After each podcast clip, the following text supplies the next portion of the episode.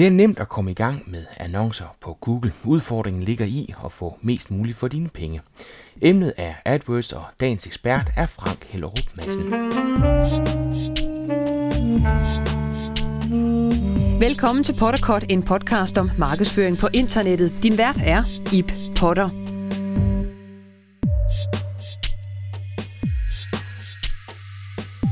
Betalt trafik til dit website er enten guld værd eller pengelivet i cyberspace.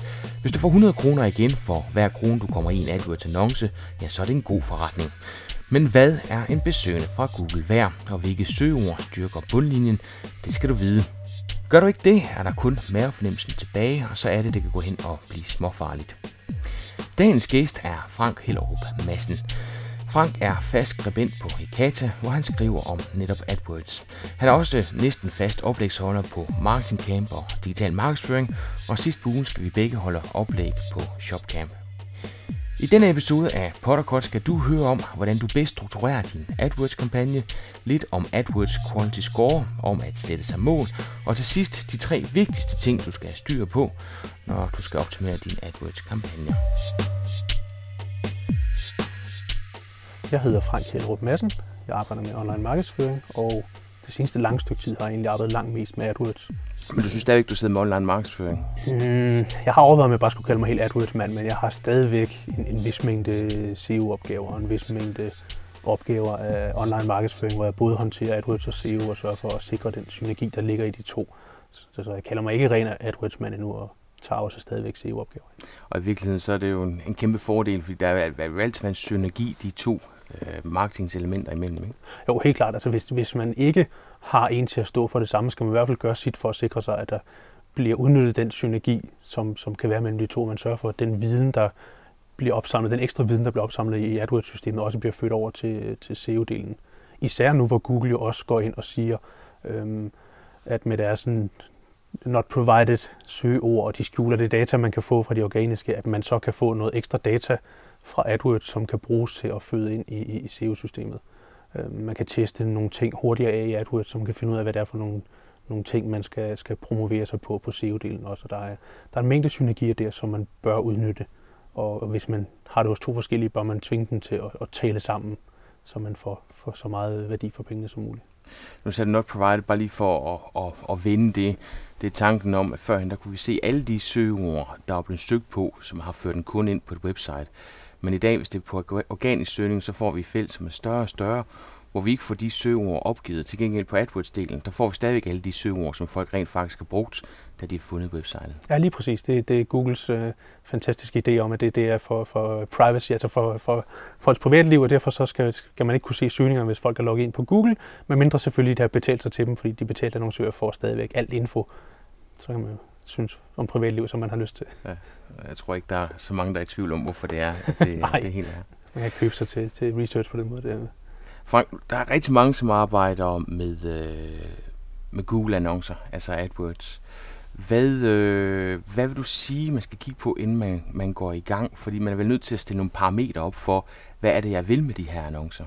Ja, det er meget væsentligt, at man sørger for både at få sat noget sporing op, så man kan måle, hvad der foregår, når man, man, man annoncerer, men også at gøre sig helt klart på forhånd, hvad er det, jeg gerne vil opnå med de her annoncer, og hvad er det, jeg, jeg har af realistiske rammer, hvor meget er det, jeg tjener per henvendelse eller per salg i forvejen, og det er jo så de rammer, man kan agere indenfor, når man skal, skal køre AdWords, fordi det væsentligste med AdWords er jo, at man tjener nogle penge. Man tjener nogle flere penge, end det man hælder i, i AdWords-systemet, og helst mange flere. Og det der, det er der vel ikke nogen, der er uenige med dig i, så, så lad os prøve at hoppe tilbage. Du siger, at vi skal ind og, og spore. Så det er typisk at have koblet Google Analytics på sit website, men det er jo ikke nok i sig selv. Nej, det, det er at få sørge for, at man har Google Analytics koblet på sit website. Det er at sørge for, at man har, har konverteringssporing i AdWords sat op, så man også har, har, har den på. Men det væsentligste er, at man skal have nogle mål, man skal have nogle triggerpunkter, som udløser det her. Har man en webshop, er det simpelt nok, så er, er målet der for folk til at købe noget. Og det kan man så bare sørge for, at der bliver sporet på, og det er jo så succeskriteriet. For de rigtig, rigtig mange mennesker, der ikke har en webshop, handler det om at finde et eller andet mål, som man kan, kan have som en succes. Oftest en kontakt os knap, eller ring tilbage til mig knap, eller lignende på ens website, som kræver en handling, som viser, at den fører til en henvendelse, eller til en potentiel kunde, eller noget i den stil, som man har noget at måle på. Der sidder alt for mange derude med websites, hvor man ikke har en, en, handling, en en målbar knap, en målbar handling. Og det betyder så, at man, man navigerer en lille smule i blinde. Det er nok som at sejle et skib i tæt tog, at, at man kan godt sejle nogenlunde den rigtige retning efter kompasset, men det er svært at styre helt præcist. Og det er svært at få at vide præcis, hvilke dele af AdWords-kontoen det så er, der ender med at give henvendelserne og pengene, hvis man ikke kan spore det ordentligt. Og et telefonopkald kan vi jo ikke spore, men det, at man ender på en kontaktside, hvor telefonnummeret står, kan være sporebart.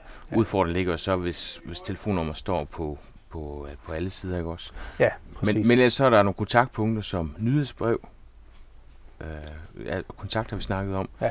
men vel også øh, at følge nogen på de sociale medier. Ja, hvis det, hvis det er et, et, mål i sig selv, også kunne det også være et, et punkt. Det er dog væsentligt, at man sikrer sig, at de succeskriterier, man har sat op, er nogenlunde samme genre, så man ikke tildeler samme vægt og samme glæde ved en, en tilmelding til et nyhedsbrev, som man gør ved et, et, et salg, for eksempel. At man kan, kan skelne mellem de to i, sit, øh, i sin opfølgning, øh, så man ikke, ikke får tildelt alt for stor værdi. Til. Ja, for der må være flere grader, ikke også? Der, der er den, der kommer ind og ser en side, smutter igen. Jamen, det er en dårlig besøgende. Så er der en, der kommer ind og ser flere sider. Mm. Det er en lidt bedre besøgende. Den, der ryger på nyhedsbrev, nyhedsmailen, er en endnu bedre besøgende. Facebook er måske på niveau med en nyhedsbrev, det er det nok ikke helt, det, det er lidt under. Og så har vi så endelig den, som, som får skabt en kontakt, eller får downloadet et uh, produktblad eller noget andet. Ikke?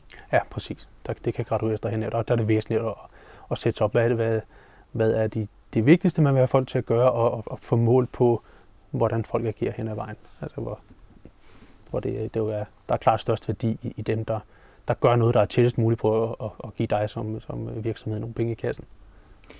Er din oplevelse, at virksomhederne godt ved, hvad sådan en, et kontaktpunkt giver? Altså når de nu skal sætte værdi på, det er lidt det, du siger, hvis vi skal finde ud af, om kronerne er brugt rigtigt, hvad er et telefonopkald værd? Ved de forskellige virksomheder det? Eller oplever du, når du siger til dem, det skal vi ligesom have mål på for at kunne lave succeskriterier, så skal de først til at have tænkt sig om sig sige, uh, jeg kunne ved, hvad det egentlig er værd? Det ved de langt fleste ikke. Det, der er næsten ingen, hvor, hvor der kan ryste ud af med at sige, vi har en idé om, at en kontakt er så så meget værd. Altså, det ender ofte med, at man laver en eller anden konvolutberegning og får dem tvunget til at komme med en mavefornemmelse for, hvor stor en andel af deres øh, telefonopkald ender med at blive en, en, en rigtig kunde, og hvor meget tjener de så i gennemsnit på en kunde, og så kan man så regne tilbage og sige, hvor mange mennesker, hvor meget det så værd med gennemsnit klik på, på kontakt os knappen. Og så kan man, har man, det bliver ofte et halvløst mål, men man har en eller anden form for mål for, hvor meget sådan en besøgende er værd. Altså, det er også et problem at, at trænge igennem til alle virksomheder og, og prøve at fortælle dem, at man skal have noget målbart på siderne. Der er mange virksomheder, der er lidt svært ved at se værdien i, de skal til at lave om på deres website, bare for at kunne måle, hvad der sker.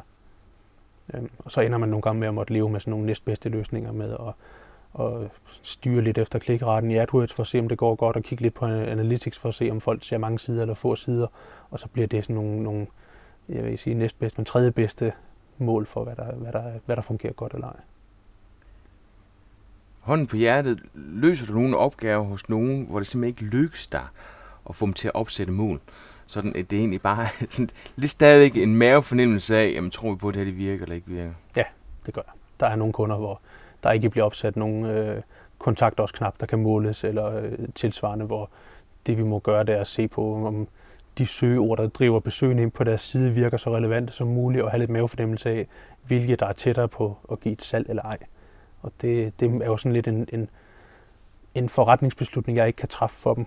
Altså, jeg kan jo ikke tvinge mine kunder til at sige, at vi skal have en kontaktknap her, og så må vi bare løse det på bedst mulig vis, når nu de gerne vil annoncere på, på Google. Men du udfordrer dem og får dem til at tænke tanken i hvert fald, så det er et aktivt valg fra deres side af. De siger, jamen, det, er, det er ikke det lige, vi, øh, vi fokuserer på. Jeg gør, hvad jeg kan. Strukturen på sådan AdWords kampagne. Øh, det er jo nemt at komme i gang, og i virkeligheden ja. så er det jo det farligste ved AdWords. For det første får du kastet 650 kroner skavekort i nakken, så alle analyse gælder det jo om at hoppe på og få prøvet det her af. Men hvordan strukturerer man en kampagne, som får bedst mulig... Øh... Mest smæk for skillingen. Ja. ja. Jamen det, det handler om at, at lige tænke det halvskridt tilbage og sige, hvad var det, vores succeskriterie var med, med, med at annoncere på AdWords, hvad er det, der er vores væsentligste produkter, hvad er det, vi først skal afprøve, om vi kan få en, en, en forretning ud af. Og så handler det om at få struktureret sin, sin, øh, sin kampagner, som jo er niveauet, hvor man kan sætte budgetter, og hvor man kan lave undersidelinks og, og en del andre ting. Få struktureret dem på en måde, der giver mening. Sørge for at have sin brandkampagne for sig selv, fordi folk, der søger på dit brandnavn, vil være meget, meget, meget mere tilbøjelige til at købe. Og brandkampagne, det er der, hvor man nogle, hvor nogle folk siger, "Jamen, prøv lige at høre, jeg ligger nummer et på mit brandnavn, så hvorfor alverden skulle jeg vælge at bruge penge på det her? Ja, det er rigtigt. Det er, det, det er en indvending, man ofte møder, øhm, hvor der er nogle, nogle forskellige grunde til at, at, at alligevel bruge ressourcer på at annoncere på sit brand. Øhm, det ene er, at især for de mennesker, hvor der er en, en generisk komponent i deres navn, hvis der er nogen, der hedder Hansen Elektriker, eller øh, et, et firma, der hedder øh, Maler Maling, eller noget i den stil, øhm, så vil de opleve, at der, der optræder rigtig mange konkurrerende annoncer, som ikke gør det en ond vilje, men bare annoncerer på ordene elektriker og maling og, og, og tilsvarende. Øhm, hvilket betyder, at hvis folk søger på, på, på mit brandnavn, så skal de blade forbi tre fristende AdWords-annoncer fra konkurrenter, før de kommer ned og kan klikke på mit organiske resultat. Og det betyder så, at selvom det ikke nødvendigvis er en god forretning for dem, der gør det, så er der nogle kunder, der, eller potentielle kunder af den type, der ved, hvem jeg er i forvejen, der er på vej ned for at besøge min hjemmeside, der bliver logget på afveje og ender med at købe det, de skal have hos nogle andre. Og, Og, og prisen er lav prisen også. vil være ekstremt lav, fordi dem, der, øh, der søger på ens brandnavn, vil jo langt højere grad klikke på ens eget, eller på, på dine annoncer, end de vil klikke på, øh, på alle konkurrenternes annoncer. Og i og med, at klikretten betyder så meget for, for kvalitetsscoren og dermed også for pris i, i Google, så vil det ofte være, være øh, et spørgsmål, hvor mange øre man skal betale for et klik, for at få dem ind på, på, på sit brandnavn. Og den, vil, den ulempe, det er at skulle betale lidt for at få en del af de besøgende ind, vil, vil kraftigt blive opvejet af, at, at man får, får flere af dem sendt det rigtige sted hen. Fordi man med en, en klar og massiv annonce vil, vil kunne hive dem, det, hive dem ind det rigtige sted, i stedet for at lade dem blive fristet af noget af det andet. Har du nogle test, der viser, hvor mange der vælger at... Altså, lad os nu antage, at man ligger nummer et på sit eget brand. Det er der stor Mm. sandsynlighed for. Ja. Hvor mange vælger så at klikke på AdWords-kampagnen, som ligger øverst oppe, i forhold til det organiske søgeresultat? Jeg har ikke set nogen tests. Altså, jeg har set nogle tal nogle gange, for hvis jeg arvede en konto fra nogle andre, hvor der har været noget annoncering på nogle konkurrentsøgeord.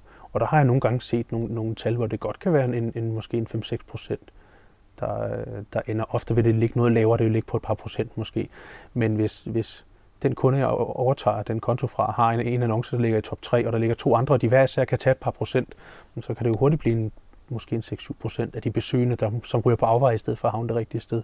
Nogle af dem kan så vende tilbage igen og havne det, ende med at handle hos, hos dig alligevel, men nogle af dem vil bare forsvinde og lægge deres penge et andet sted. Frank, mens vi er fat i den der, så, øh, så oplever jeg tit det der med, at når konkurrenten ligger på konkurrenters søgeord, altså forstået på den måde, man søger på et brand, og så dukker konkurrenten op, fordi man har sagt, jamen hvis der er nogen, der skriver konkurrentens navn, så skal min annonce vist. Mm. Først og fremmest, er, er det lovligt, og øh, hvornår går det hen og ikke bliver lovligt? Ja, altså ifølge europæisk retspraksis og, og, og dommen ved EU-domstolen, så er det ikke lovligt, hvis du har konkurrentens navn med i din annonce. Altså hvis jeg skulle vælge at, at, at annoncere på, øh, på Thomas Rosenstands navn og, og lave en annonce, hvor der i overskriften står Thomas Rosenstand, øh, nedenunder står, han er alt for dyr, køb din, annonce, din, øh, din tjenester hos mig i stedet for. Så vil jeg ja, på flere områder bryde med markedsføringsloven, men, men i- helt, helt konkret i hvert fald, så, så er det, hvis man, hvis man har konkurrentens navn med i sin annoncering. Altså så, På så, en så den måde- søgende kan se navnet. Ja, så en søgende kan se navnet, og der kan være den mindste chance for, at nogen kan komme i tvivl om, hvorvidt det er, er, er deres side eller din egen, og, og hvor, hvor man havner. Øhm, så er det et brud på loven. Den er lidt mere uklar, når, når man annoncerer på, på andres øh, navne, men ikke har deres, øh, har deres navn med. Øhm, der siger den europæiske domspraksis klart og tydeligt, at så er det ikke ulovligt. Der var en sag fra England med, med nogle øh, blomsterhandlere, der annoncerede på hinandens navne. Og det var ulovligt der, hvor de havde, havde konkurrentens navn med, men ikke hvor de bare skrev deres eget brandnavn, eller køb blomster her, eller blomster online, eller hvad de nu måtte have annonceret med. I Danmark er der, er der faldet sag ved en, en byret eller en lavere domstol, hvor nogen blev dømt for, også for at have brugt markedsføringsloven på at annoncere uden brandnavn i annoncen. Men den blev ikke taget videre til, til det højere domstol, hvor den nok vil have en vis sandsynlighed for at blive omstødt i jævnfør europæiske praksis. Så for lige at samle op. EU-lovgivningen siger, det er lovligt, at jeg bruger konkurrentens brand til at udløse en annonce, men det må ikke stå i selve teksten. Og vi har en dansk domstol, som har sagt, at nej, du må ikke engang bruge det som et søgeord. Ja, det er korrekt. Det er en kort opsummering. Godt. Hvis nu jeg vælger at gøre det alligevel, Frank, Ja. er det så effektivt? Altså, hvad får jeg ud af det? Øhm. Er det det værd, at jeg pisser mine konkurrenter af for at få den her annonce vist? At når de reelt set går ind og googler deres brand, så dukker jeg op? Som oftest vil det ikke være det. Altså de fleste gange, hvor jeg går ind og kigger på noget, noget historisk data for, for annoncering på konkurrentnavne, så vil det performe relativt dårligt hos dem, der, der annoncerer. Altså der vil, klikretten vil ikke være rasende høj, så det måske et par procent, selvom man ligger helt oppe i toppen. Og konverteringsretten vil typisk også være temmelig ringe. At, at når nu folk havde i hovedet, at de godt ville købe den der skovl i, i Silvan, og så man har prøvet at, at komme i vejen for, for annonceringen, så er der en, en ret pæn sandsynlighed for, at de alligevel vender tilbage til Silvan, eller hvad de gør. I hvert fald er det sjældent, jeg har set nogen, hvor, hvor det var en rigtig god forretning at gøre det. Så dit så råd til dine kunder, det er, lad være med det? Mit råd til mine kunder er, lad være med det. Også fordi jeg har oplevet de kunder, der har fået vrede opkald fra advokater og diverse former for breve og hvad ved jeg, sure konkurrenter. Øhm, og man, man uanset og, om man selv har lyst til at forholde sig til den lovlige del af lejen, men så det giver det i hvert fald en masse bøvl at skulle forholde sig til, øh, til sure konkurrenter og trusler om retssager og advokater og hvad ved jeg. Jeg har været der og har taget nogle øh, rigtig træls telefonopkald. Det har så ikke været med vilje, det har været uheld. Så man kan også komme til det, uden at, at egentlig have sigtet efter det. Også. Ja, og derfor kan man sige, at rådet til dem, der oplever, at der bliver annonceret på deres brand, er at lige prøve at starte med at fare med lempe. Fordi det godt kan være noget, der er sket ved et tilfælde. Øhm, nogle gange kan det være, hvis, hvis, hvis der er en konkurrent, der har annonceret på et broadmatch-ord, at Google så har synes, at de to brandnavne var relevante for hinanden, eller at dit brandnavn er relevant for en eller anden generisk søgning for, øh, for, for markedet som helhed, og derfor har valgt at vise annoncen. Det, det er først, når, når, når en, dit brandnavn bliver brugt i annoncen, at man skal være lidt mere bekymret, men selv det kan ske ved, øh, ved, ved uheld jo. Det kan det jo. Utilsigtet. så. Godt. Tilbage til strukturen, Frank. Ja. Så, så brand var en af dem? Ja, brand for sig. Øhm, og så dernæst så handler det om at få struktureret sine kampagner, sådan, så man kan ved at kigge alene på sin kampagneforside, kan få et overblik over, hvordan det går med kontoen. At man kan finde ud af, hvornår noget er godt og skidt.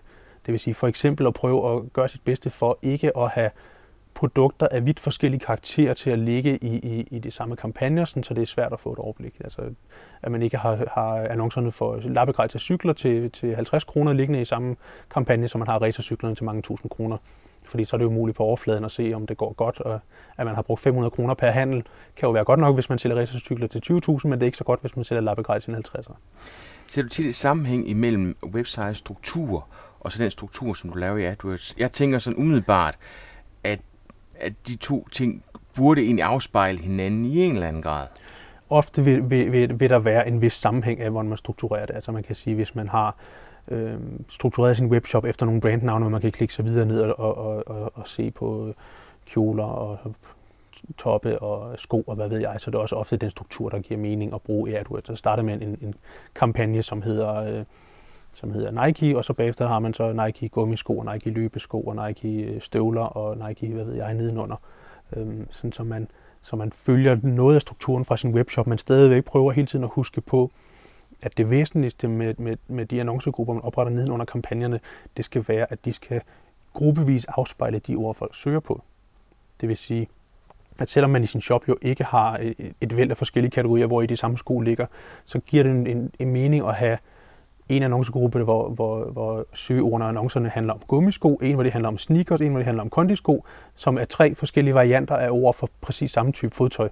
Og i en shop laver man jo ikke forskellige sider til dem, men i forhold til AdWords er man jo nødt til at prøve at forholde sig til, hvad folk kalder dem, når man søger, sådan, så man får det delt op på den måde. Og også i forhold til at vende tilbage til branddelen, så det er også væsentligt at få lavet øhm, sine kampagner på en måde, hvor man så vidt det overhovedet kan lade sig gøre, for adskilt søgninger med, med, med brandnavne i fra søgninger med, på mere generiske udtryk. Fordi folk, der i forvejen ved, at de vil ud og have en, en, øh, en cykel fra SCO eller en gummisko fra Nike, er meget, meget tættere på at svinge plastikkortet, end folk, der bare skriver sko. Og, øh, og, og, og det vi kommer hele tiden til at snakke om, det er, at AdWords er jo værdifuldt på det tidspunkt, hvor der kommer en krone ind, og kommer 100 kroner ud. Ja, lige præcis. Og derfor er det væsentligt at tænke på, også når man opbygger sin, sin, sin kampagne, at når man starter med det, så gælder det om at prøve at få opbygget dem sådan, så man får så mange som muligt af de søgninger med, hvor folk er meget tæt på at gennemføre handlen og svinge kortet. Altså det er vigtigere at få oprettet annoncer for alle de mærker, man måtte have i forretningen, og de produktnavne, man har, end det er at få oprettet for, for sko, for eksempel, hvis vi skal blive i skotøjs eksempel. Fordi folk, der søger på sko, er oftest både tankemæssigt og, og, og klik på knappenmæssigt noget længere fra hinanden end folk, der søger på, på blå Nike Sport størrelse 44. Så, så er man altså meget tæt på bare at finde ud af, hvor det er, man skal handle. Og hvis man kan ramme dem med en rigtig AdWords-annonce, er der meget kortere vej til salg, end der er, hvis folk bare har søgt sko.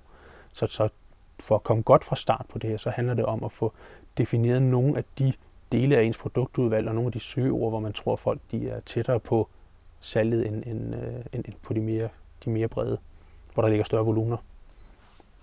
Så strukturen på nuværende tidspunkt, det er, at man har sit brand, Mm-hmm. så har man produkter. Hvad så med produktgrupper? Ja, produktgrupper er så noget af det næste, der kan følge efter. Det, det er, og nu, nu vil man annoncere på, på, på cykler og på knaller, der hvad man måtte, måtte, måtte, måtte have ting i sin forretning, eller på forskellige former for konsulentydelser, og sørge for at få inddelt dem i, i, i forskellige grupper. Og nogle af dem kan i nogle tilfælde godt bo i de samme kampagner. Øhm, hvis jeg for eksempel måtte vælge at annoncere for både øh, for forskellige for AdWords kurser og for, for, øh, for AdWords øh, håndtering af forskellige slags, kan det godt bo i den samme kampagne, som bare hedder, hedder min, min AdWords tjenester for eksempel, eller noget af den stil.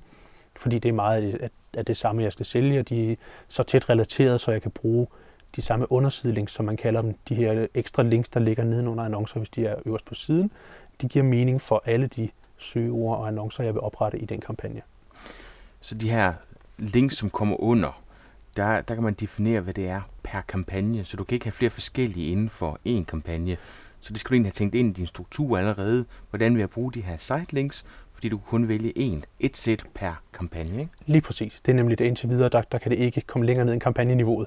Så, øh, så hvis man gerne vil sikre sig, at man har relevante links stående nedenunder der, så, så kan det ofte være, at man er nødt til at, at justere lidt på sine kampagner, hvis man gerne vil have, have, have knivskarpe links, så kan, det, så kan det være en fordel, at man opretter Nike og Adidas og, og hvad skudtøjsproducenter alle hedder i hver sin kampagne, fordi så kan du nedenunder så sende folk direkte ned til, til Nike Air og til Nike gummisko og til øh, gummistøvler, hvis de måtte lave det, og, og, og, og så folk kan se dit, dit yderligere sortiment, eller du, du kan i hvert fald tilpasse de her links, så de rammer helt skarpt. Jeg er ikke sikker på, at alle folk... Det kan godt være, at de har set de her links. Det er ikke mm. Sikkert, at de sådan lige har, har tænkt over det. Kan du ikke lige kort forklare, hvad, hvad er det for nogle links, vi snakker om? Jo, det, er, det kaldes undersidelinks, de vælges på kampagneniveauet, og det er en gratis ekstra ydelse fra Google, som gør, at du, hvis du er blandt top 3 annoncerne, dem der bliver vist op over søgeresultaterne, så har du mulighed for at tilføje nogle ekstra links, som så bliver vist som sådan klassiske blå links nedenunder din, din AdWords-annonce, og som kan pege hen til, til andre sider på, på, på dit site. Øhm, der har Google lige lavet en ændring nu, så du ikke bare kan have fire links, der peger til, til samme sted, men, men du skal have dem til at pege på forskellige steder hen, og dem kan du bruge til at øge din eksponering. Du kommer simpelthen rent fysisk på skærmen til at fylde flere centimeter skærm ved at have de her ekstra links på, hvilket gør, at din annonce får en større opmærksomhed, og flere mennesker klikker på dem. Det er i vidt omfang sådan, at de her undersidelinks i sig selv ikke tiltrækker nær så mange links som annoncerne, men det at få dem på øger opmærksomheden for, for din annonce og medfører et boost i klikkene på de almindelige annonce. Så folk de klikker ikke på de links, der kommer nedenunder, men giver opmærksomhed, så der bliver klikket på selve annoncen, og ikke de der sidelinks. Ja, lige præcis. Det er sådan, jeg ofte oplever det. Og jeg oplever så også, at det er samme kvalitet besøgende, der, kommer, der dukker op, og det er, er samme konverteringsrate, de holder sig, så det er for langt de fleste en ren gevinst at få dem på. At det handler simpelthen bare om at få brugt de her undersidelinks, forudsat der ikke er andre af, af Googles øh, udvidelser, man kan, kan lægge på, der giver mere mening, øh, men, men især for, for, for folk, der, har, der sælger ydelser online, giver det meget, meget ofte mening at have de her, øh, de her undersidelinks på, så man kan fylde noget mere og, og eventuelt vise noget større sortiment eller nogle ekstra selling points, eller øh, bruge det som en ekstra menu eller noget, som, så, så de folk, der har lyst til at klikke på linksene, også kan komme nogle gode steder hen. Godt, nu har vi fået lavet en, en hel flok øh, kampagner. Øh, så skal vi til at lave annoncer. Og der, der er det væsentligt at, at, at tage udgangspunkt i, at folk har en eller anden intention inde i hovedet, når de sætter sig så til, til tastaturet og peger hen på Google og begynder at taste noget. Den bliver så udtrykt gennem de, de ord, der, der, der bliver tastet ind i søgefeltet, og det er vi nødt til at adressere på bedst mulig måde. Det vil sige, at det vi viser dem, den annonce vi viser dem, den skal give dem et, stille dem et, et løfte, der giver, stille dem i udsigt, at vi kan løse det, som de har har, har tastet for at gerne vil have løst. Hvis de er på jagt efter sko, så skal vi vise dem en annonce, der viser, at de, vi har nogle sko til salg, og det må de gerne komme og købe. Øhm, og det er vigtigt, at når vi strukturerer annoncegrupper, at vi sørger for, at annoncerne i enhver annoncegruppe er så relevante, som de overhovedet kan blive for enhver, et hvert søgeord, vi måtte have indtastet i annoncegruppen. Det vil sige, at hvis man kigger ned over sin, sin, sin samling af søgeord og den, de tilhørende annoncer, og kan sige, at den her annonce rammer ikke helt dem, der søger på det her, så skal man overveje, hvorvidt man skal have en annoncegruppe mere, fordi annoncen skal være så relevant som overhovedet muligt. Det skal den jo både for at, at, at tiltrække nogle kunder, men også sådan rent Google AdWords mekanisk, er det relevante annoncer, der, der, der driver værket, groft sagt. Øhm, fordi relevante annoncer får flere klik end knap så relevante annoncer. Flere klik betyder, at man får en højere kvalitetsscore, quality score, som Google kalder den, øhm, som betyder, at man får billigere klik hen ad vejen. Det betyder, at man, man får bedre placeringer for de samme penge, eller øh, kan, ja, kan slippe billigere. Øhm, og det betyder så, at man har, har bedre budget, eller øh, mere, er bedre konkurrencedygtig til at kunne, kunne hive folk ind. Øhm, det betyder også, at, at, at man får sat folk i en rigtig stemning, når de skal ind og købe, hvis de søger efter lige præcis de her, øh, skriver, øh, er det gummisko, og man kan vise, Adidas det gummisko i sin annonce, men så ved de, de er bekræftet allerede fra starten i, at du har det, de er ude efter, lige præcis det, de sidder og taster, at det, der bliver vist i annoncen. De skal ikke til at, at sige, du skal, er det der sneakers og noget at tænke ind i hovedet, når jeg er gummisko og sneakers er det samme, øhm, så kan jeg nok også godt klikke ind på den her. Fordi så er der altid sandsynlighed for, at ham naboannoncen, der har lige præcis alle deres gummisko i, at han tiltrækker flere klik, end, end, end du gør. Så jo flere annoncer du kan have med færre søgeord på, desto billigere bliver klikkene. Er sådan, det er sådan? Nej, ikke nødvendigvis med færre søgeord, fordi men nogle gange kan man godt opleve, at man kan have rigtig, rigtig mange søgeordskombinationer, der alle sammen får deres øh, ønsker eller mål opfyldt af den samme annonce. Der kan godt være mange variationer over et, et, et søgeordstema, øhm, som kan blive ramt af den samme annonce. Så det er ikke nødvendigvis sådan, at der, der er sådan lidt en karikeret anbefaling, som går på, at man skal have et søgeord til en annoncegruppe. Fordi så kan det altid være så relevant som overhovedet muligt. Og i teoriens verden, så er det jo fint nok, men i virkelighedens verden, så, så vil en konto blive fuldstændig uoverskuelig, hvis man har mere end tre produkter på hylderne, og skal have et, et søgeord per annoncegruppe. Så det handler mere om, om at, at, at prøve at se på, om, om ikke de er temmelig relevante, alle de ord, man har. Så det er stadigvæk ude i at gruppere dem mest fornuftigt. Ja. Men, men der er vel også en, en grænse. Altså, lad os nu sige, at du skal lave en AdWords-kampagne for mig. Så gå ud fra, at jeg skal betale for din tid. Præcis. Så, så hvor, hvor er balancen henne? Det er super, du kan gøre det billigere og mere effektivt for mine annoncekroner. Men hvis jeg bruger alt budget på, at du sidder fedt rundt i det, jeg ikke har nogen penge mm. til selve kampagnen, som jeg skal betale for Google. Hvordan, øh, hvordan kunne du vurdere det fra, fra gang til gang? Ja, det er jo, det er jo en afvejning. Det er, hvis der er noget, øh, noget historik på en konto, så kan jeg jo gå ind og se lidt på, hvor mange mennesker har søgt på forskellige ord. Sådan, så jeg kan, kan gå ind og vurdere, hvad, hvad, vil, hvad vil effekten være for din konto, hvis jeg går ind og bruger to timer på at oprette ekstra annoncegrupper på, på, på den her klub af søgeord. Og der er det jo så simpelthen et spørgsmål om at sige, jamen, altså, er der nok efterspørgsel til, at det kan betale sig, at jeg begynder at rette til, for at du kan få 10% højere klikrate og så også mange flere kunder? Eller er det, det her virkelig et søgeord, der bliver søgt efter 100 gange i kvartalet, og derfor så, så vil der være ekstremt lang tilbagebetalingstid på, hvis jeg skal begynde at bruge min tid? Så det er sådan en, en afvejning af at gå ind og kigge på, hvad, øh, hvad ligger der af, data, hvor stort er søgeordet i, i, øh, derude i, i Danmark, hvor mange mennesker sidder og søger på det. Er, det, er det stort nok til, at det kan berettige, at jeg bruger min tid til 1000 kroner i timen på at, at, at få sat noget annoncevæsen op for dig, som du så bagefter skal have, tjent ind igen ved, ved den ekstra gevinst, du vil få af de annoncegrupper, jeg har lavet. For det er jo ikke bare den indsigt, de nye annoncegrupper giver, det skal være den ekstra indsigt, de giver i forhold til, hvordan strukturen var før, der skal, blive, der skal berettige den tid, jeg bruger på det. Jeg fortalte på øh, Facebook og Google Plus og Twitter, at, at vi to vi skulle snakke sammen i dag, og, og spurgte, om der var nogen, der havde nogle spørgsmål. Fælles for rigtig mange af dem, den går på øh, det, vi snakker om nu, struktur. Men der er også rigtig mange, der snakker om, øh, hvad gør du egentlig, når du får en konto ind? Hvad er det, du kigger på, hvor du ligesom sige, jamen, det første, du vælger at kigge på, hvor du kan sige, det er her, hvor de får mest value for money. Hvad er det? Jamen, det, de første ting, jeg kigger på, det er allerførst noget, vi har været lidt inde på, Øhm, hvordan er strukturen på kontoen? Er den fuldstændig håbløs, så den skal rives ned og startes forfra? Eller kan den, kan den fungere rimeligvis? Øhm, det næste, jeg ser på, det er så, om, øh, om søgeordene hænger sammen i, i, fornuftige, øh, i fornuftige klumper af ord, hvor, hvor annoncerne er relevante. Hvor en klassisk fejl, jeg ser, det er, at at man har sat en annonce op, der til, en annoncegruppe op, der til at starte med var nogenlunde skarpe. De fleste søgeord, de handlede om noget med gummisko. Og så hen ad vejen, så er der sådan blevet læsset lidt på, man tænker, hov, vi skal også lige have en annonce på noget med, med Adidas, og så er den blevet smidt ro ind i, i gummisko-annoncen. Og vi har da egentlig også fået de der damestøvler på, på lager nu, så bliver det også blevet læsset ind i samme.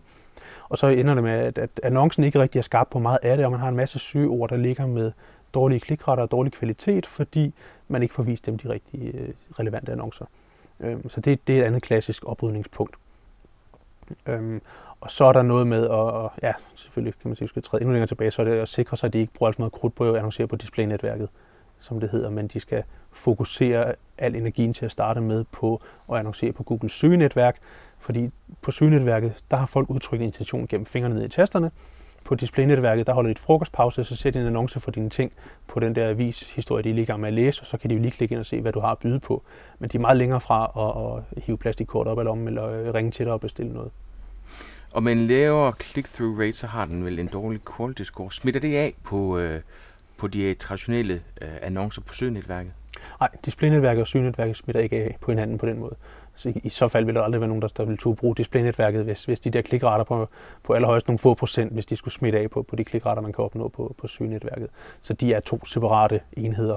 Øhm, I den anledning er det også værd at bemærke, at, øh, at det her, de her søgepartnere, som Google har koblet på søgenetværket, som ikke er søgninger på Google selv, men er forskellige websites. Jeg mener, i Danmark er der også er det UB og nogle andre, der kan man sige, bruger Googles søgemaskine til, at og, og man kan søge på på sitet og viser Googles reklamer at de søgepartners øh, klikrater og kvalitet smitter heller ikke af på Google-søgningerne.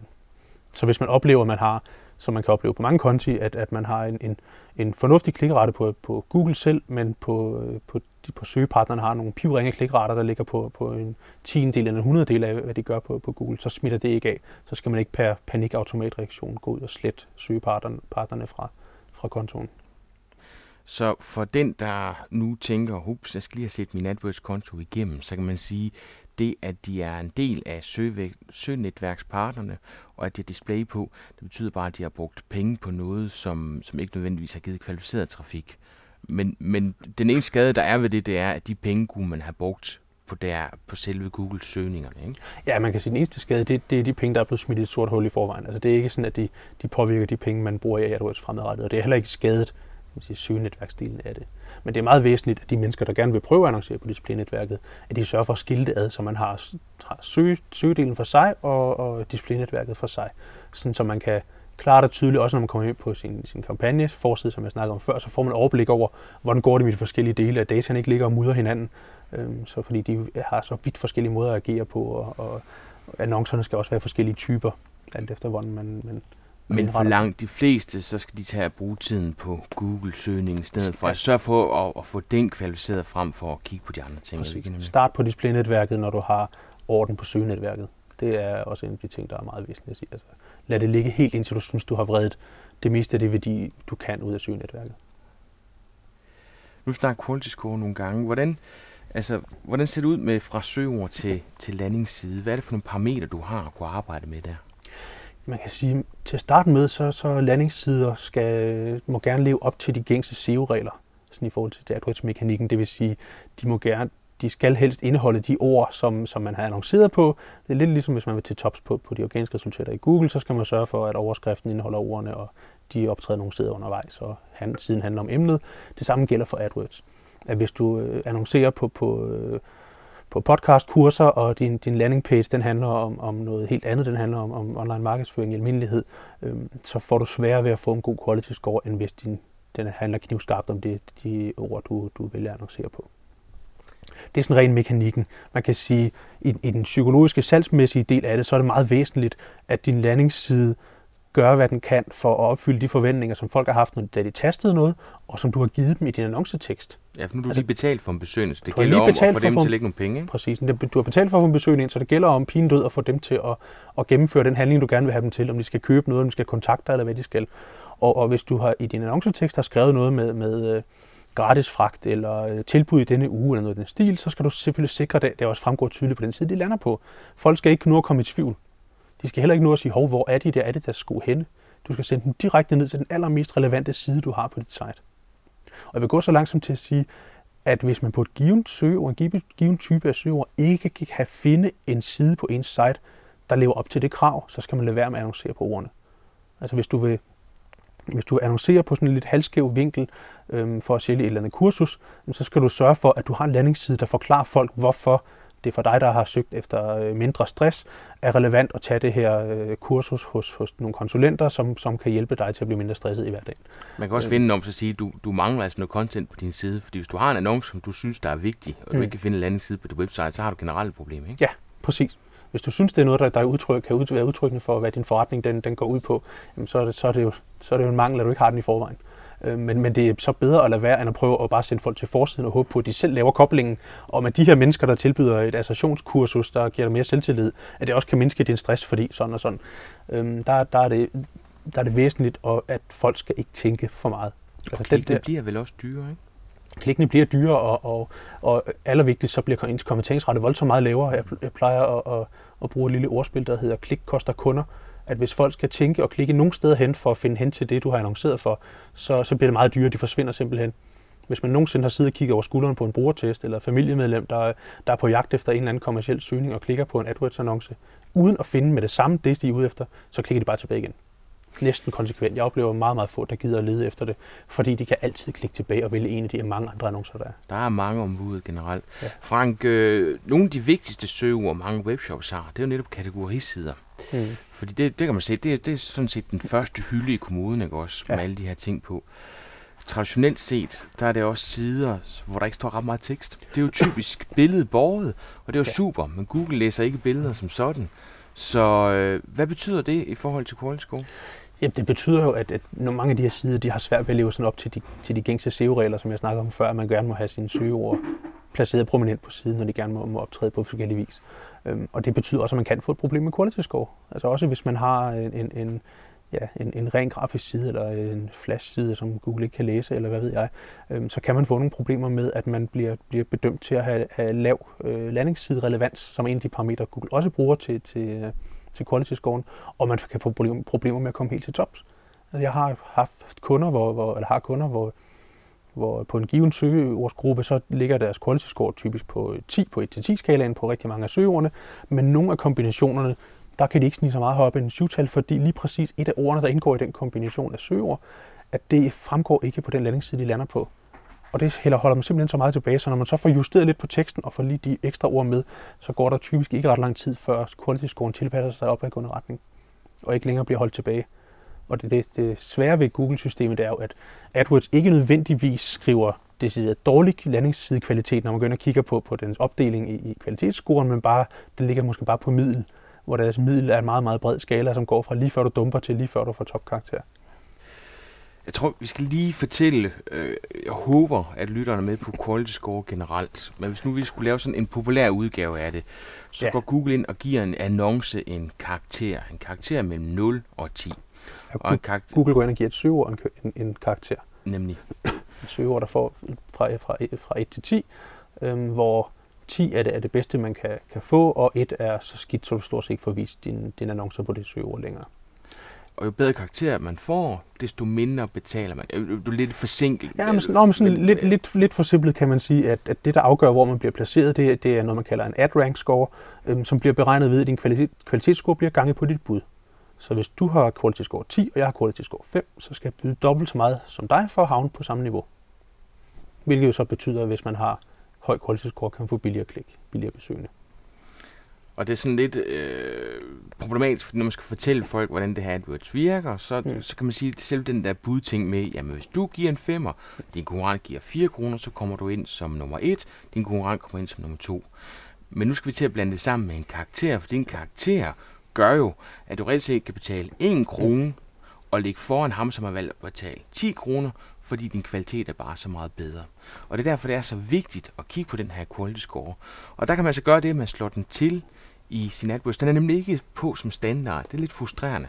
Man kan simpelthen slå den til, så du for hver søgeord kan få at vide, jamen hvad kvalitet, hvilken quality score har det her pågældende søgeord.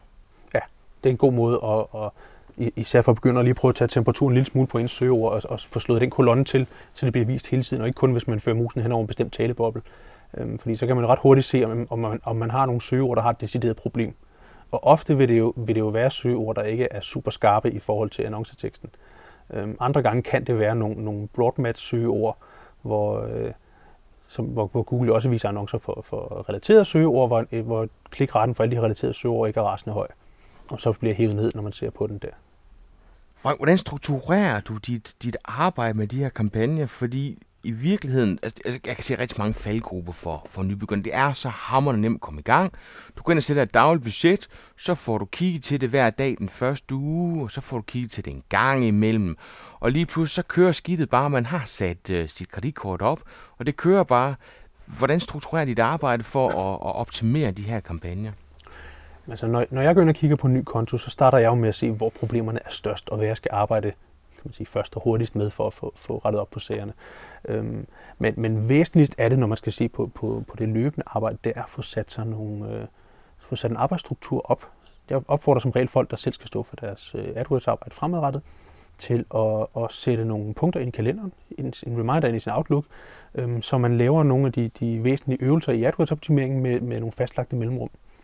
Det kunne for eksempel være, at man siger, at en gang om måneden, så skal jeg gå ind og tjekke min konto igennem for negative søgeord, for at, se, for at finde søgeord, som folk har, som har udløst mine annoncer, men som ikke er helt relevante for mine produkter. Og det kan være, at man så hver 14. dag har, har sat i kalenderen, at nu skal jeg ind og arbejde med mine annoncetekster, sådan, så man ved fra det øjeblik, man tænder sin, lukker op for AdWords og logger ind, at det, jeg skal lave i dag, det er, at jeg skal arbejde med mine annoncetekster. Jeg skal skrive nogle nye annoncetekster og teste, hvad der virker bedst, og jeg skal ind, ind og rette på nogle af de gamle. At man ikke bare har i, i sin kalender stående arbejde med AdWords. For så oplever jeg rigtig mange, der ikke er rutinerede AdWords-brugere, som tænder for AdWords-kontoen og, og sidder og kigger lidt på den og siger, hvad skal jeg arbejde med i dag?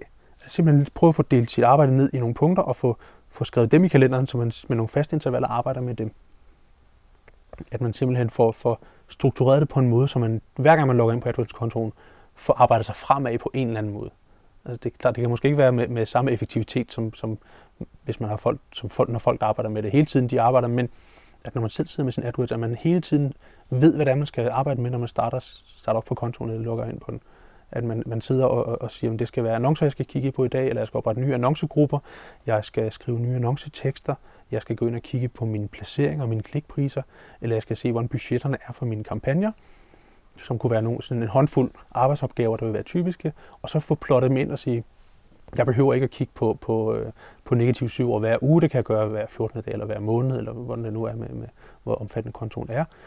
Jeg, det giver heller ikke mening at kigge på mine annoncetekster hver uge, fordi det har jeg ikke klik og besøgende nok til, men måske en gang om måneden giver det mening for mig at gå ind og se, hvad virkede bedst af de to annoncer, jeg satte til at blive testet sidst, hvad for en af mine, mine budskaber trængte bedst igennem og gav flest salg, eller flest besøgende, alt efter hvad ens succeskriterie er, og så få, få, øh, få, få tilpasset dem og få sat den næste omgang i søen. Sådan, så man hele tiden laver noget, der kan forbedre på ens konto. Hele tiden nedbringer sin omkostning, hele tiden gør noget med en intention om, at det skal give bedre quality score eller flere besøgende fremadrettet. Og vi kan godt blive enige om, at det her det kommer aldrig til at hvile i sig selv. Altså markedet flytter sig, øh, brugernes behov flytter sig, de produkter, man har, flytter sig. Altså, så der skal hele tiden kigges på at forbedre det her, få elimineret ned af det, der ikke virker, og få skruet op for det, der virker. Ja, og jeg har oplevet nogle kunder, hvor, hvor, som hyrer mig, og jeg kommer ind og, og, og hjælper dem med at få sat kontoen op, og den lever fint sit eget stille liv og ikke bliver rørt derfra i et halvt år, øhm, og, og godt kan give overskud for dem, men det ville bare have været givet lidt større overskud for dem, hvis de havde haft krudt til selv at komme ind og, og, og justere på det. For det er, der kan ske mange ting med, at man kan sætte en annonce op, der virker fantastisk. Jeg satte en annonce op for en kunde, der, der gik over til at vise nogle priser på nogle produkter, og det gjorde ingen af andre på markedet. Og det gik helt fantastisk. Vi øgede klikkeretten voldsomt, og mange flere henvendelser, og alt var godt. Og det, det gjorde det så et par måneder, indtil lige pludselig nærmest over natten, så faldt klikkeretten voldsomt, og det var så fordi en af konkurrenterne havde luret det. De havde tilladt sig at holde øje med, hvad vi gjorde, og, øh, og så havde de sagt, vist nogle tilsvarende priser i, øh, i annoncerne, der bare alle sammen lå 20% billigere end min kunde.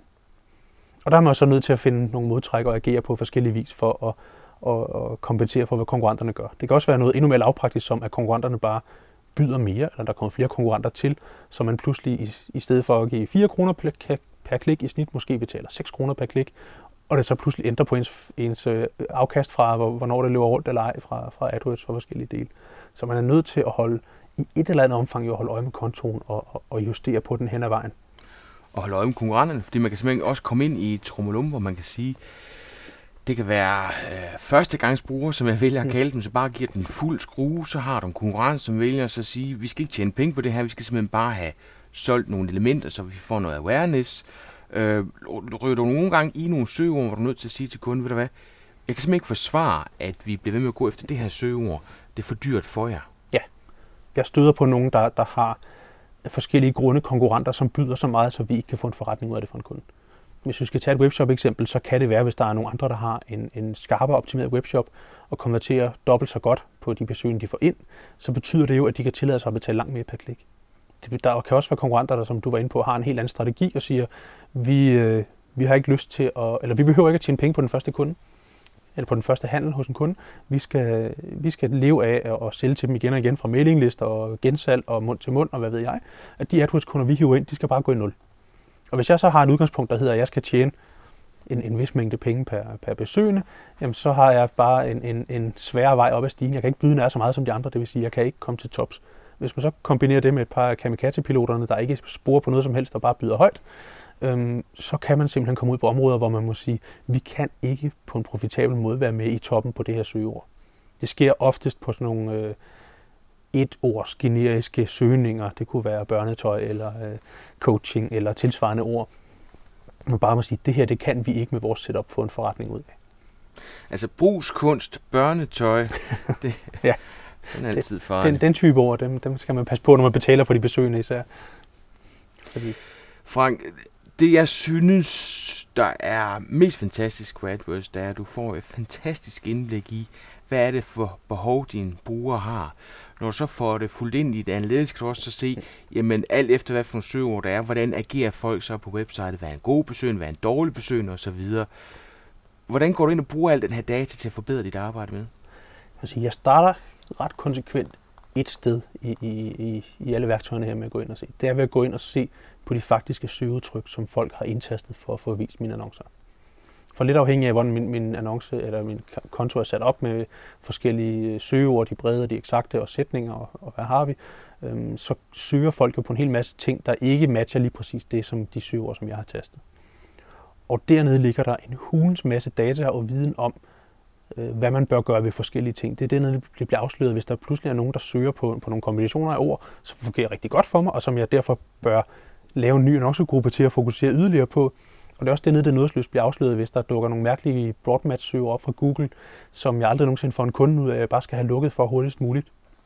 Så det, det er der, som hvor al dataoptimering af AdWords bør starte, for set fra, fra, fra min side. Det er simpelthen ved at gå ned og, og kigge på, hvad har folk søgt på. For det er noget data, som, som, som ikke bliver vist på overfladen, og det betyder nogle gange, at man kan fejldiagnostisere nogle problemer, hvis ikke man har luret, at et eller andet søgeord klarer sig dårligt, fordi der er en masse mærkelig broadmatch indover, at man tænker, at det her ord det er jo super relevant, og min annonce er helt skarp, og alt er i orden. Men når man så går ned og kigger ned under overfladen, så bliver, der, bliver det vist på en masse søgeord, som egentlig ikke er så relevante. Øhm, og det kan afsløres nogle gange af de her. Hvis man skal tage et eksempel, så findes der et, øh, et tøj- og taskemærke, som hedder øh, Depeche.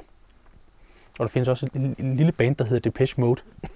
Og øh, hvis man så søger, annoncerer bredt på ordet depeche, eller bare med sætninger på ordet depeche, så bliver det jo så også vist på et væld af depeche modsøgninger øh, som betyder, at ens data bliver fuldstændig snasket, og, og nogle af de der mennesker, der søger, de sidder og bare og klikker på taskeannoncen alligevel, men køber aldrig noget, fordi de var på jagt efter et eller andet med noget musik, og så skal de jo ikke lige have en taske lige nu, og øhm, der er det væsentligt at komme ned og se på, på dataen og sige, hov, der var noget her, vi skulle have blokeret for. Andre gange vil, vil det være en mere positivt rettet, at man opdager, at man, man har oprettet nogle annoncer for et eller andet brand, og ser, at der er rigtig mange mennesker, når de så søger på, på Molo flyverdragt, i stedet for bare på Molo, så køber, er de rigtig glade for vores shop, og vil mægtig gerne købe. Og så kan man gå i det og sige, så må vi da have en ny annoncegruppe, hvor vi samler Molo flyverdragt ordene, viser dem annonce, der er endnu mere relevant, og sender dem det helt rigtige sted på websitet. For hvis de kunne finde ud af det ud fra den generiske annonce, hvordan, hvor godt vil det så ikke blive, hvis vi sender dem helt det rigtige sted hen, og hvor mange vil ikke klikke, hvis de får helt den rigtige annonce i stedet for den generiske.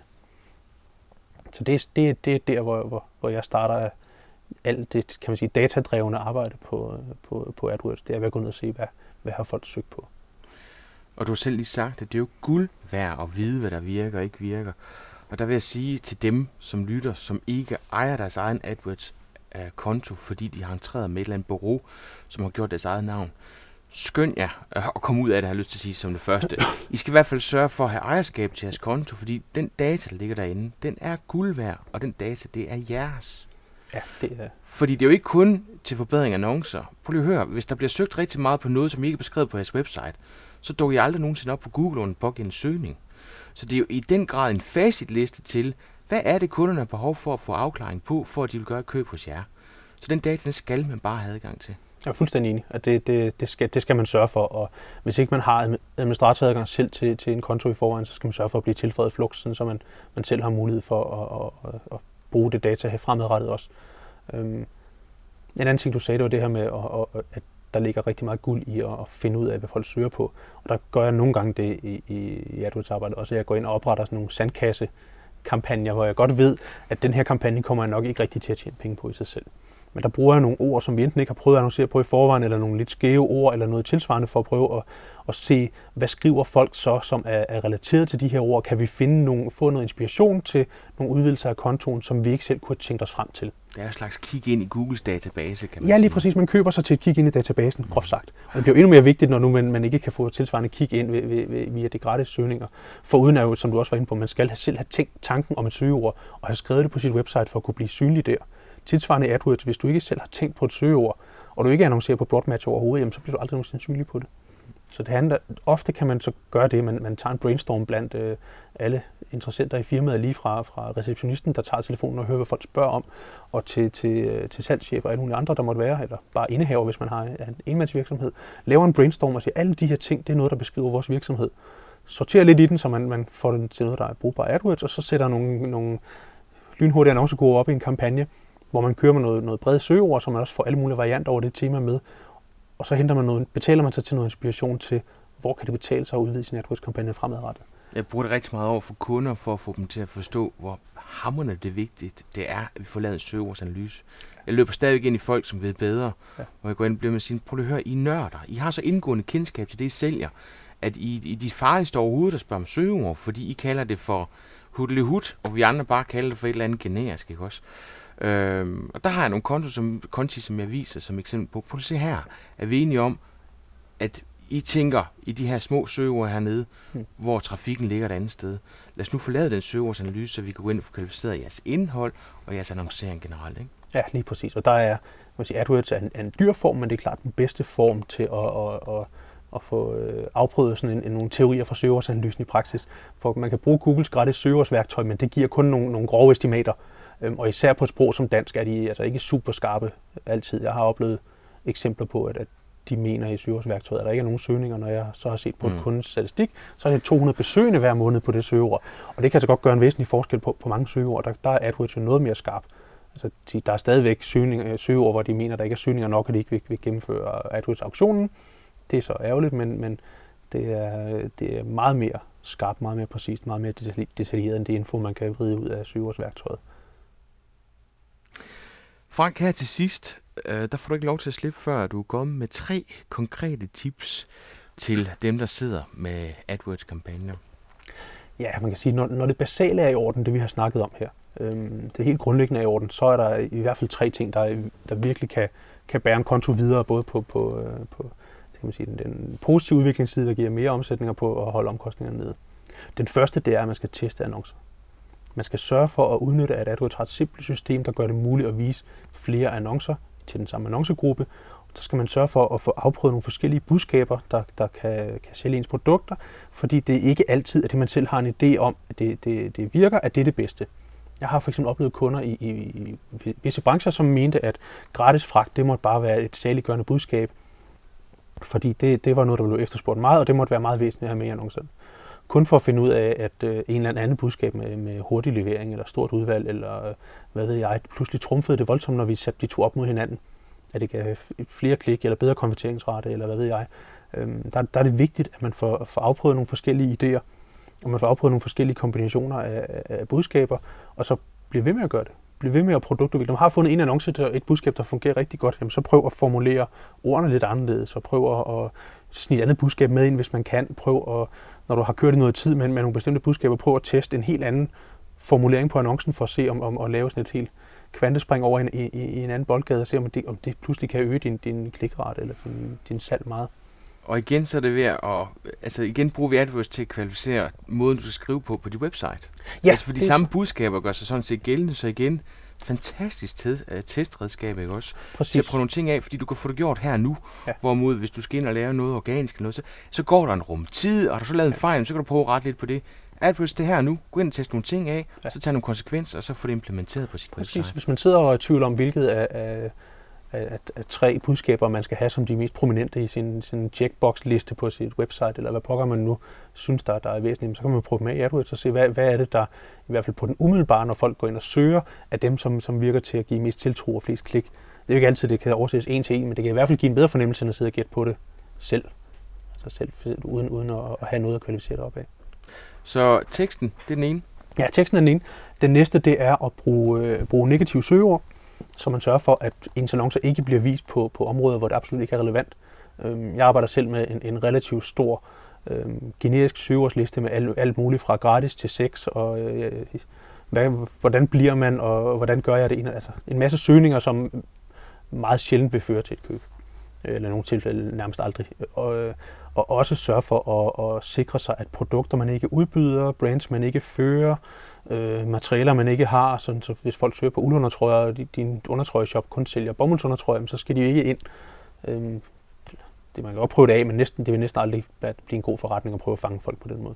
Så have nogle negative søgeordslister, som, som sikrer, at man ikke øh, får vist sine annoncer på, på alt for mange irrelevante søgninger. Og der, der har Google indført for, jeg tror det er et år siden eller et andet, øhm, nogle, nogle søgeordslister, så man kan vedligeholde det et centralt sted og bruge det på alle de kampagner, hvor man synes, det er relevant. Hvilket gør det både er blevet meget nemmere at vedligeholde, men også at man, man kan overveje at bruge dem strategisk, sådan, man siger, hvis der er en, for en vis del af min kampagne, er det ikke relevant, og at min annonce bliver vist, hvis de her søger er optræder for eksempel. Hvis jeg øh, for eksempel sælger drenge, drengetøj kun, så kan det godt være, at jeg ikke har lyst til at blive vist på pigetøjssøgninger, som tit kan være hvad kan man sige, tæt beslægtet i forhold til Google i hvert fald, og, og have mange af de samme elementer. Og så simpelthen så sørge for, at pige og pigetøj og lignende bliver brugt som, som negativ søgeord på drengekampagnen, så man, man ikke bare på kontoniveau, men også på, på kampagneniveau sørger for at få, få sorteret ud i, i de søgeord, der ikke er relevante. Så lige så vigtigt det er at strukturere de søgeord, som man gerne vil dukke op på, så kan man faktisk, hver gang man har søgeord, så tænker man så, jamen, så er der til søgeord, hvor jeg ikke vil dukke op, jamen så kan du sidde og vedligeholde de her negative søgeordslister samtidig, ikke? Ja, lige præcis. Og det, det er jo også, når man, når man går tilbage, eller laver den her dataanalyse, som jeg snakker om, så går ind og ser, hvad folk har søgt på, så vil man ofte, hver eneste gang man går ned og kigger på det, komme ud med en håndfuld ord, som man tænker, dem har jeg ikke behov for at annoncere på fremadrettet. Fordi jeg har ikke produktet, eller de handler aldrig, eller hvis man har set, der er nok klik, der er kommet igennem, og de bare aldrig nogensinde køber noget, når de søger på, på, øh, på billig cykel, fordi min cykel er ikke billige. Så gælder det om at få, få blokeret for de søger, man har konstateret også, at der aldrig giver salg. Eller ikke kan blive profitabel salg måske endda. Så annoncetekster, negativ søgeord, og den tredje? Den tredje er flere annoncegrupper. Jeg har været inde på det, men det er for næsten alle konti, så er det altid flere annoncegrupper. Altid kunne ned og se, man kan, kan jeg gå mere i detaljen med, med, med mine annoncer, end jeg har gjort, kan jeg skille dem ud, så de bliver endnu skarpere. Det er næsten universal medicin. Selvfølgelig på et tidspunkt når man dertil, hvor det, hvor, og det bliver for svært at håndtere, og hvis man også skal teste annoncer og alt muligt andet, så bliver det for besværligt. Men for næsten alle annoncegrupper i praksis, hvor folk ikke har arbejdet rigtig, rigtig intenst med det i lang tid, så vil flere annoncegrupper give højere klik, mere kvalificerede besøgende, øh, ja, sende den det rigtige sted hen. Så det er, det er det, den tredje del, man, man, man skal arbejde med, hvis man kun skal, skal arbejde med tre ting. Frank, hvis nu du skulle finde en, som jeg kunne få lov til at plukke hjernen på, hvem skulle det så være, hvorfor? Jeg ved ikke, om det specifikt skal være, men jeg har et, et, i hvert fald et emne, jeg godt kunne tænke mig at få belyst. Det kunne være sådan noget med øh, pressehåndtering, PR og pressemeddelelser i relation til online marketing. For på, øh, på dit website, så står der, at et podcast det er podcast om alle mulige ting herunder pressemeddelelser. Men jeg har til dato ikke kunne finde et podcast om pressemeddelelser i, det? i arkivet, så det kunne jeg da godt tænke mig, at det, øh, det kom med. Men det kan jeg godt love dig. Jeg har to i tankerne. Tre i tankerne. Så må ikke der er en af dem, som uh, kunne have lyst til at byde på det. Det være dejligt. Det var alt for nu. Husk, du kan følge Potterkort på Facebook, Twitter, Google+, og selvfølgelig iTunes. Og tusind tak for de mange flotte anmeldelser i netop iTunes. Det er jeg virkelig øh, taknemmelig for. Det er den bedste reklame for Potterkort overhovedet. Og til sidst skal der være en stor tak til dig, der har bidraget til denne episode af Potterkort. Dine spørgsmål på Twitter, Google Plus og Facebook har været med til at forme denne episode, så tak for det.